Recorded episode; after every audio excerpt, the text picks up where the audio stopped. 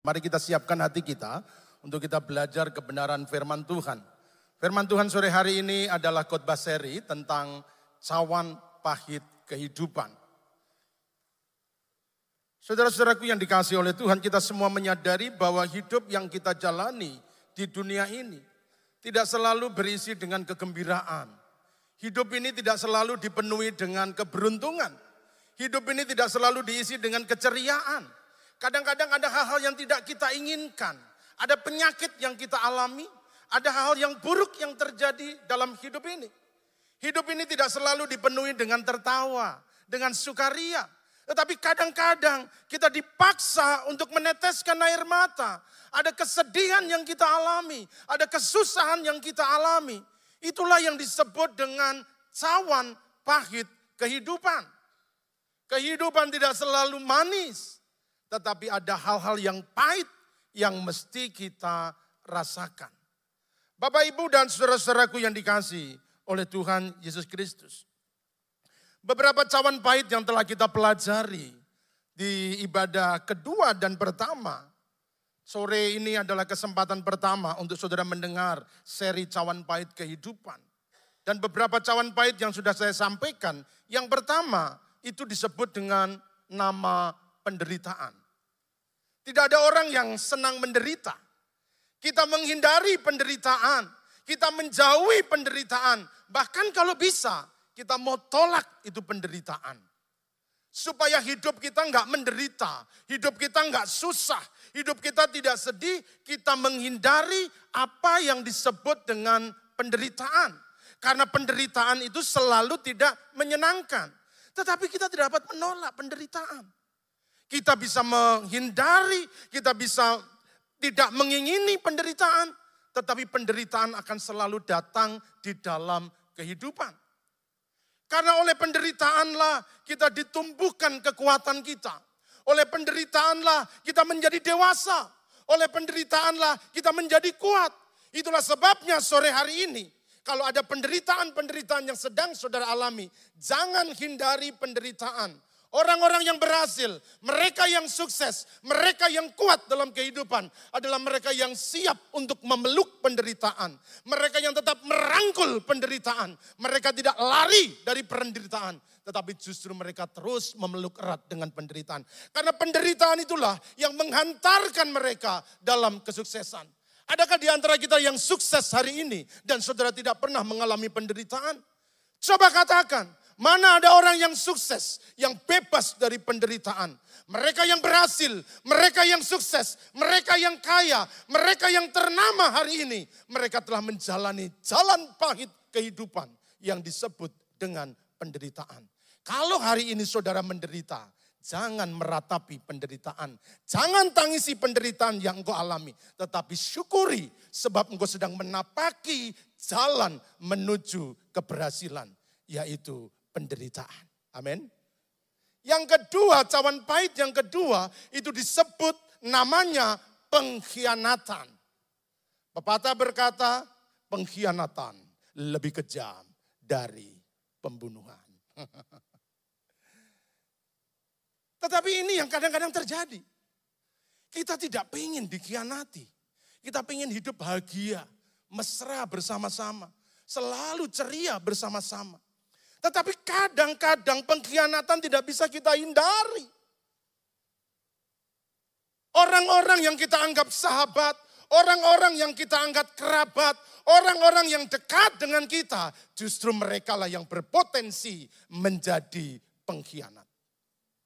Sadarilah, saudara tidak akan dikhianati oleh orang yang jauh. Saudara tidak akan dikhianati oleh musuh musuh akan menyerangmu dengan terang-terangan. Tetapi seorang pengkhianat, dia manis di depan, tetapi di belakang dia menghancurkan. Seorang pengkhianat, dia menusuk dari belakang. Dia adalah sahabat, dia adalah teman dalam selimut. Dia adalah orang-orang yang menghancurkan hidup kita dengan pelan-pelan. Itulah sebabnya berhati-hatilah dalam membangun hubungan.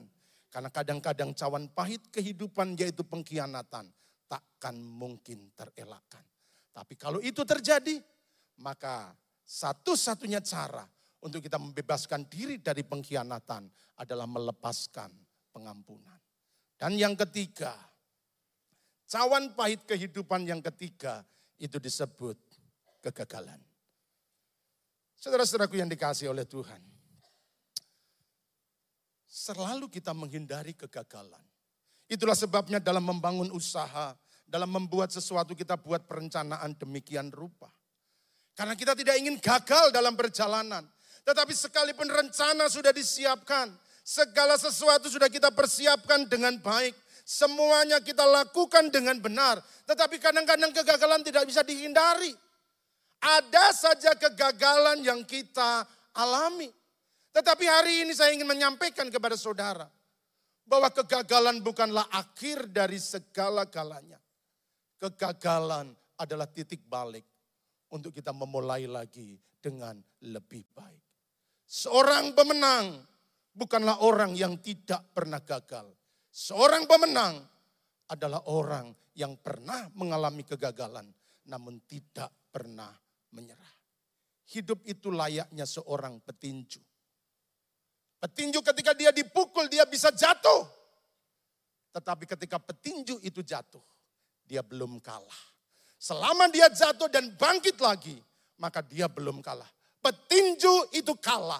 Ketika dia dipukul jatuh dan tidak bangkit lagi. Kegagalan bukan berarti saudara kalah. Saudara kalah ketika saudara menyerah. Sebab itu kegagalan apa pun yang sedang saudara alami, bangkitlah dari kegagalan. Bangkitlah dari semua kegagalan yang engkau alami. Kegagalan memberikan kesempatan-kesempatan baru untuk kita melihat masa depan yang lebih baik lagi. Nah sore hari ini mari kita akan mempelajari cawan pahit kehidupan yang keempat. Cawan pahit kehidupan yang keempat itu disebut penghinaan. Mari kita membuka Alkitab kita, Matius pasal yang ke-27. Dan kita akan membaca sepenggal kisah yang dialami oleh Tuhan Yesus. Dalam Matius pasal 27 ayat 27 sampai 31.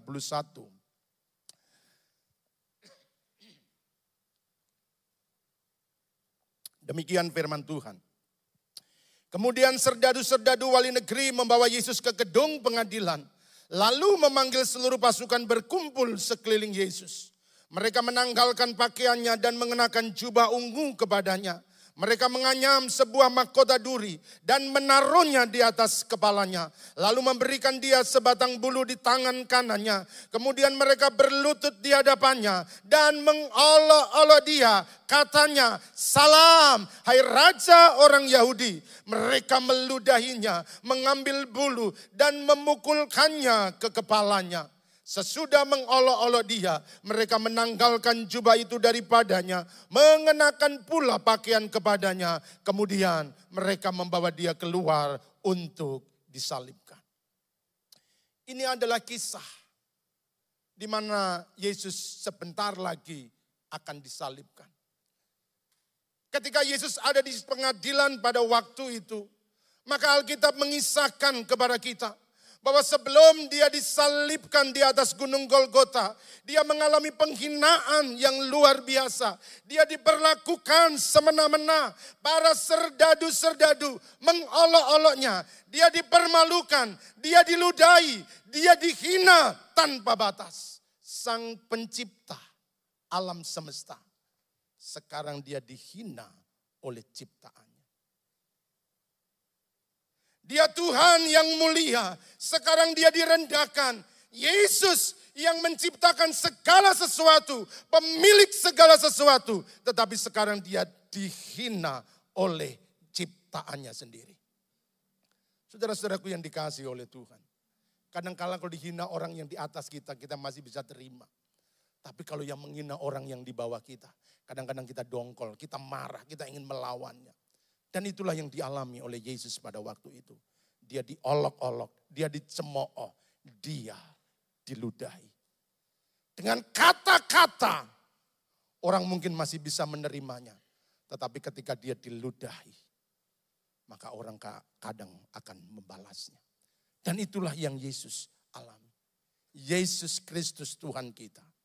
Dia rela untuk meminum cawan pahit kehidupan, yaitu penghinaan. Bapak, Ibu, dan saudaraku yang dikasih oleh Tuhan. Seorang yang bernama Abraham Maslow, seorang psikolog, dia pernah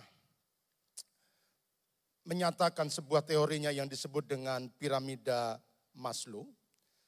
Dan dia menyampaikan bahwa salah satu kebutuhan manusia adalah dihargai. Semua orang butuh dihargai. Apalagi laki-laki, harga diri itu taruhannya mati.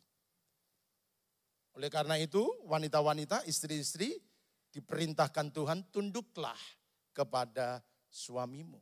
Sebab bagi pria, harga diri itu segala-galanya. Pria boleh nggak punya duit, tetapi jangan injak harga dirinya. Nah penghargaan, penghormatan itu menjadi kebutuhan dari manusia. Bahwa semua orang pengen dihargai, semua orang pengen dihormati, semua orang pengen diperlakukan dengan cara-cara yang baik. Dan Maslow mengatakan benar bahwa seseorang kebutuhannya itu adalah penghargaan. Gambarnya bisa dimunculkan supaya jemaat bisa melihat piramida Maslow.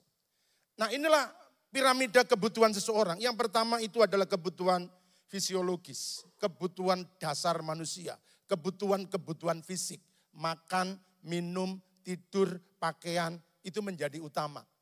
Kalau yang dasar gak bisa kepenuhan, maka tingkat berikutnya akan diabaikan mangan aja susah. Kadang-kadang udah nggak perlu penghargaan, nggak perlu penghormatan. Yang penting bisa makan. Makan apa saja, kerja apa saja, masa bodoh dengan penghargaan. Karena memang kebutuhan dasarnya belum terpenuhi. Sehingga orang mengejar pemenuhan yang utama. Hina sedikit nggak apa-apa, yang penting perutnya kenyang. Tapi kalau kebutuhan yang pertama sudah penuh, maka orang akan meningkat pada kebutuhan yang kedua yaitu kebutuhan rasa aman. Kalau mangan sudah cukup, pakaian ada, tidur enak, semuanya baik, maka seorang mikir aman. Jangan sampai sakit, pengen punya rumah. Itu kebutuhan selanjutnya. Dan setelah itu, kebutuhan sosial. Kalau fisiknya sudah terpenuhi, rasa amannya terpenuhi, orang pengen memenuhi kebutuhan sosial. Membangun relasi, membangun hubungan, menikah, berkeluarga, itu kebutuhan. Dan kalau itu tercukupi, maka ini masuk kebutuhan yang keempat yaitu penghargaan. Sehingga semua orang pengen dihargai. Orang pengen diperlakukan dengan cara yang baik. Orang pengen untuk dihormati dan diperlakukan secara manusiawi. Mungkin bukan siapa-siapa, bukan pejabat tinggi, bukan orang yang berpangkat, Meskipun dia orang biasa, tetapi kalau dia sudah bisa memenuhi kebutuhan fisiknya, rasa amannya terpenuhi, kebutuhan sosialnya terpenuhi, maka orang butuh yang namanya penghargaan. Saudara-saudaraku, memang kita semua butuh dihargai. Semua orang butuh dihormati. Tetapi kenyataan dalam kehidupan tidak selalu demikian. Kita pengen penghormatan. Tetapi yang kita terima adalah penghinaan. Kita direndahkan. Kita dikecilkan. Kita tidak dipandang. Kita disepelekan. Kita diabaikan. Kita tidak diperhitungkan. Itu yang terjadi di dalam kehidupan. Kita dianggap dianggap ramah, remeh. Kita dianggap tidak apa-apa. Dan itulah fakta yang terjadi. Baik dalam kehidupan sehari-hari. Bahkan di tengah-tengah kehidupan bergereja. Kadang-kadang kita dapati seperti itu. Orang menganggap kita sebelah mata. Saya dulu bangga dengan Presiden Gus Dur. Biar orangnya sederhana. Tapi seluruh presiden di dunia dipandang sebelah mata oleh dia. Satu-satunya presiden kita yang berani memandang Josephus waktu itu sebelah mata. Gus Dur. Nah saudara-saudaraku yang dikasih oleh Tuhan. Itulah kenyataannya. Siap atau tidak, kita akan menghadapi yang namanya penghinaan. Barangkali saudara sudah kenyang dengan hinaan. Sejak dari kecil saudara sudah dihina. Saudara diremehkan, saudara dikecilkan, saudara bukan dianggap apa-apa, diabaikan, tidak dipedulikan, dipandang sebelah mata. Tapi itulah kehidupan. Kita tidak bisa menghindarinya. Saudaraku, dengar baik-baik. Saat kita berhasil, semua orang akan menyanjung. Ketika engkau sukses, orang akan memuji. Ketika engkau pada puncak keberhasilan, semua orang merasa sebagai teman. Ketika engkau sukses dalam segala-galanya, semua orang akan mendekat. Tetapi ketika engkau jatuh, ketika engkau gagal, ketika engkau hancur, saat jatuh, semua teman akan menjauh. Mereka yang mengaku dulu teman, mereka akan pergi meninggalkan kita. Kalau engkau gagal, kalau engkau jatuh, percayalah semua pujian akan berubah menjadi hinaan. Itulah yang kita hadapi dalam hidup ini. Orang hanya mendekat ketika kita jaya. Orang hanya bersahabat ketika kita hebat. Tetapi ketika kita gagal, ketika kita jatuh, ketika kita terpuruk. Maka orang hanya melepaskan penghinaan.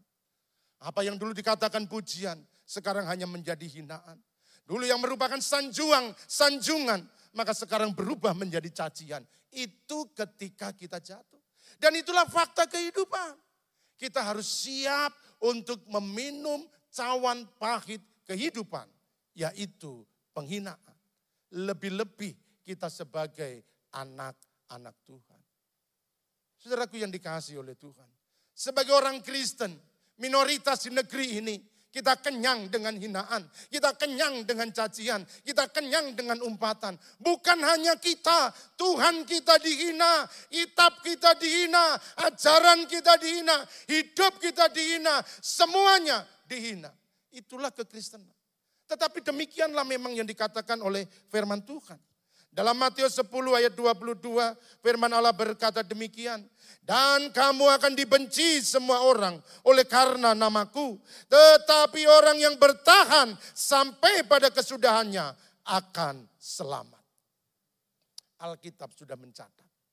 Memang ada cawan pahit yang harus kita siap untuk meminumnya. Yaitu penghinaan.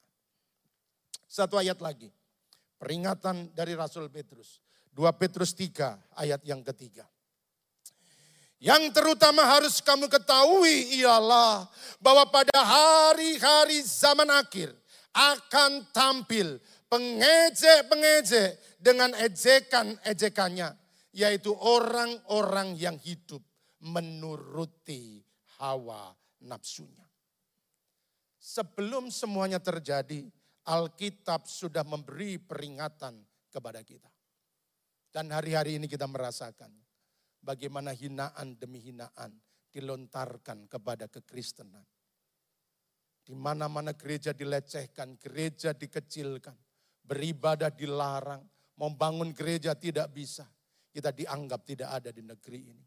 Tetapi jangan pernah kecewa. Karena memang firman Tuhan berkata demikian. Di zaman akhir akan muncul pengejek-pengejek. Saudara, kalau itu memang sudah dikatakan oleh Alkitab, maka yang perlu kita lakukan adalah bagaimana kita mempersiapkan diri untuk menghadapi hinaan. Bagaimana kita tetap kuat ketika orang menghina kita. Bagaimana kita tetap bisa menghadapi hinaan-hinaan yang dilontarkan kepada kita. Nah sore hari ini ketika cawan pahit kehidupan yaitu penghinaan kita alami. Saya ingin mengajak Bapak Ibu Saudara sekalian untuk kita belajar bersama-sama. Bagaimana caranya kita menghadapi hinaan. Dan kita tentu belajar dari guru besar kita, yaitu Tuhan Yesus Kristus. Yang pertama, cara kita menghadapi hinaan, hadapilah hinaan dengan diam. Mari kita buka Matius pasal yang ke-27 ayat 12 sampai 14. Ini yang Tuhan katakan. Tetapi atas tuduhan yang diajukan imam-imam kepala dan tua-tua terhadap dia, ia tidak memberi jawab apa pun. Maka kata Pilatus kepadanya, tidakkah engkau dengar betapa banyaknya tuduhan saksi-saksi ini terhadap engkau. Tetapi ia tidak menjawab satu kata pun sehingga wali negeri itu sangat heran. Luar biasa.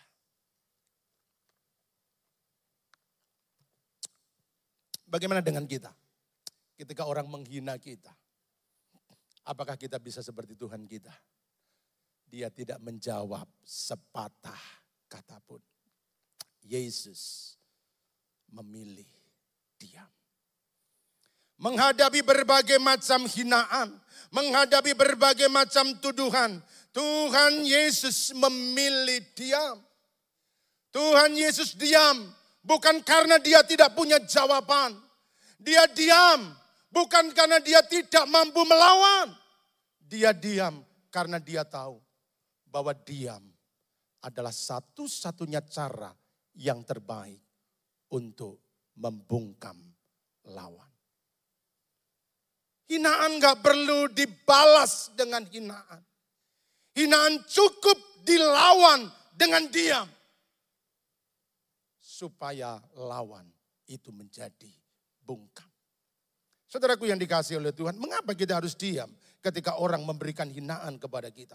Ada beberapa alasan yang saya kutip dari kebenaran firman Tuhan.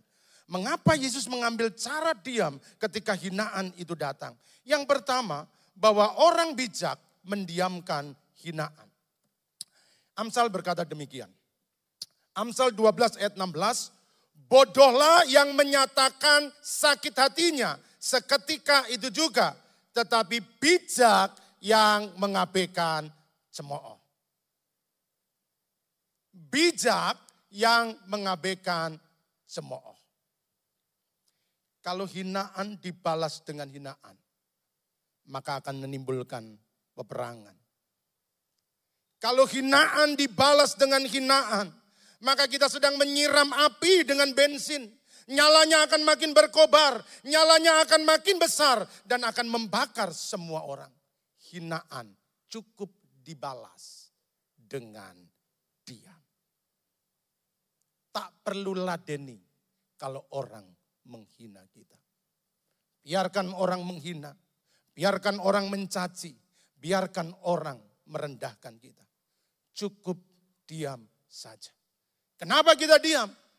Karena kata-kata hinaan itu adalah sampah kehidupan. Kalau saudara membalas hinaan, maka saudara sedang menerima sampah yang dikirim seseorang untuk masuk dalam hati kita. Supaya hati kita menjadi kotor, pikiran kita menjadi kotor, tindakan kita menjadi kotor. Maka jadilah bijak, biarkan orang menghina kita. Tak perlu mendengarkannya. Abaikan saja cemoohan, abaikan saja hinaan. Maka semua hinaan, semua cemoohan, cacian, makian yang kita diamkan. Semuanya akan kembali kepada sang pemberi. Nggak perlu buang-buang tenaga, nggak perlu buang energi, nggak perlu buang kekuatan kita. Simpan kekuatanmu simpan energimu. Silakan ngomel, silakan nyinyir, abaikan saja. Biarkan anjing menggonggong. Kafilah tetap berlalu. Saudaraku yang dikasih oleh Tuhan Yesus Kristus.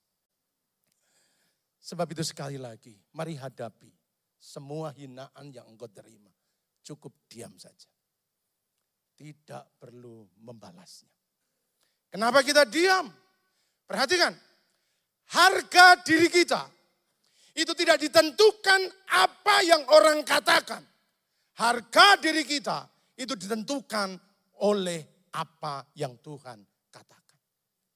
Biar orang merendahkan, tak akan mempengaruhi harga diri kita di hadapan Tuhan. Biar orang nyinyir tidak akan merubah harga diri kita di hadapan Tuhan. Apa pun yang orang katakan tidak akan merubah harga diri kita di hadapan Tuhan. Itulah sebabnya semua hinaan tak perlu dibalas. Semua cacian diamkan. Karena tidak akan merubah apa pun dalam hidup kita. Kalau saudara menerima hinaan, saudara menanggapi hinaan, saudara sedang menerima sampah kehidupan di dalam hidup kita. Percayalah Apa pun yang orang katakan tidak merubah apa-apa dalam hidup kita. Saudara-saudaraku yang dikasih oleh Tuhan Yesus Kristus. Semua yang orang katakan tentang kita itu bukan tentang kebenaran. Yang benar itu adalah apa yang dikatakan oleh firman Tuhan. Dan apa yang dikatakan firman Tuhan tentang kita. Yesaya 43 ayat yang keempat. Firman Allah bilang begini. Mari kita baca ayat ini bersama-sama. Supaya saudara merema. Jadi uh, kekuatan dalam hidup saudara ketika saudara menghadapi hinaan. Yesaya 43 ayat yang keempat. Satu, dua, tiga. Oleh karena dan yes.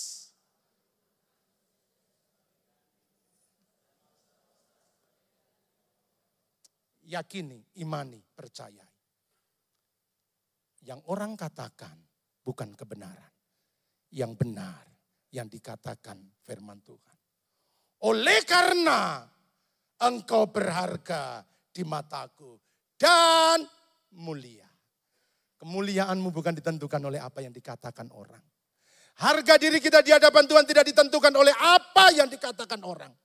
Harga diri kita ditentukan oleh apa yang dikatakan firman Tuhan. Lalu kenapa kita harus bersedih dengan hinaan? Kenapa kita harus menangis dengan cacian? Kenapa kita harus mangkel dengan kata-kata kasar yang orang sampaikan? Tidak merubah apa pun. Silahkan engkau memperkatakan, silahkan engkau menghina, silahkan engkau mencaci. Tidak mengubah harga diri kita di hadapan Tuhan. Kita berharga, kita mulia di hadapan Tuhan. Amin. Saudara-saudaraku yang dikasih oleh Tuhan. Saudara lihat gambar ini adalah peperangan antara Daud dan Goliat. Kalau saudara membaca kisahnya, maka dari pagi dan petang selama 40 hari Goliat selalu tampil mencemooh barisan Israel. Dia menghina barisan Israel.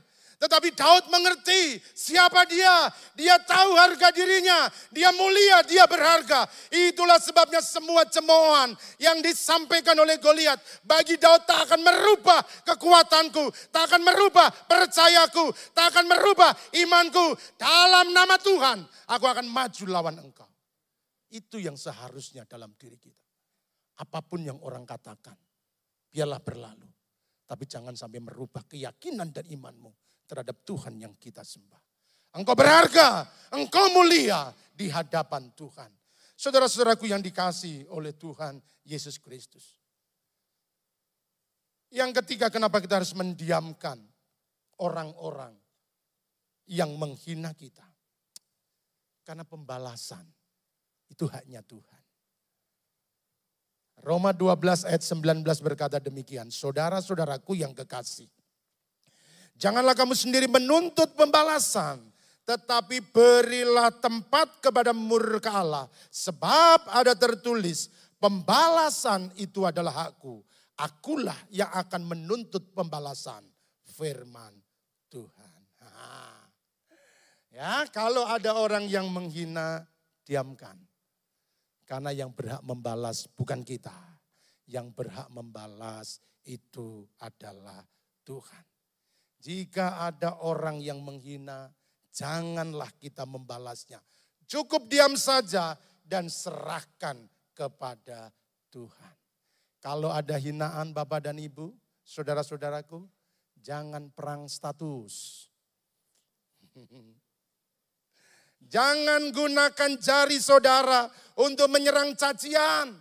Memang mulutnya nggak bergerak, diam, badannya diam, tapi tangannya bergerak ke mana-mana. Gak perlu.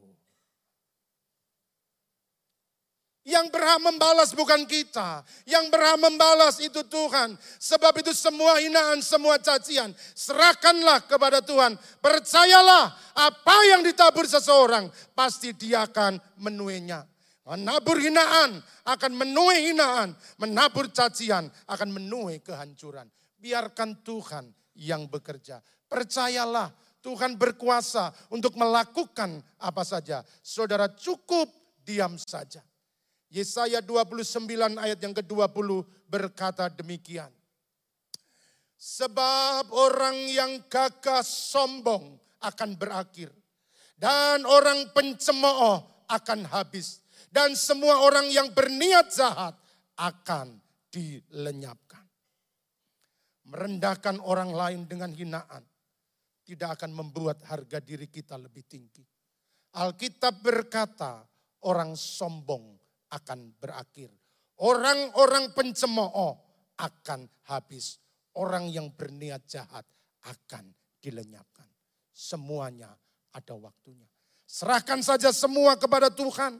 Semua yang mereka katakan, caci maki yang mereka lontarkan, serahkan sepenuhnya kepada Tuhan. Percayalah, Tuhan tahu cara untuk membalasnya. Sebab itu sekali lagi, cara yang pertama, kalau saudara menghadapi hinaan, belajarlah dari Yesus. Cukup diam, doakan. Yang kedua,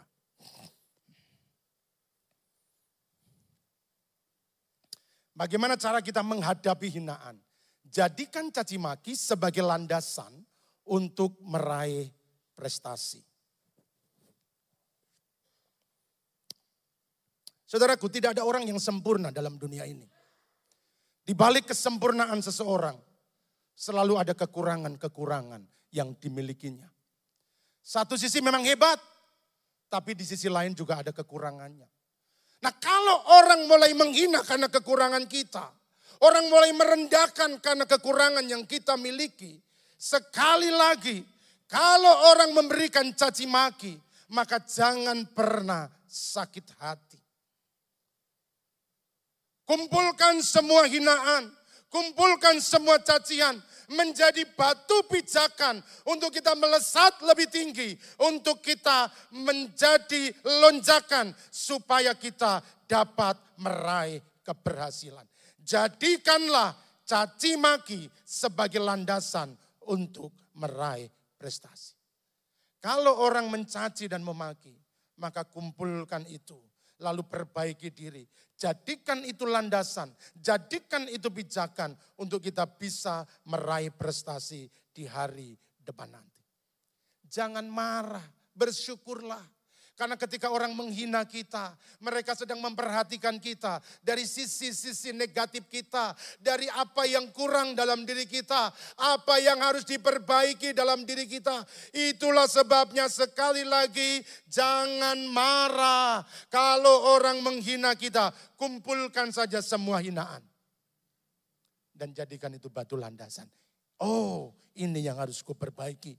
Ini yang harus ku betulkan. Ini yang harus ku tingkatkan. Dan ketika saudara tahu mengumpulkan semua hinaan menjadi landasan, tumpuan untuk kita melangkah lebih baik lagi di hari depan nanti.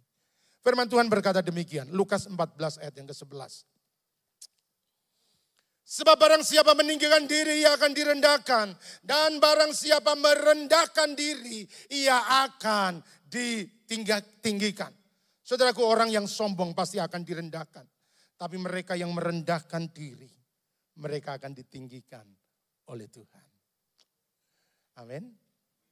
Jangan kecewa kalau dihina. Jangan marah kalau saudara dianggap rendah.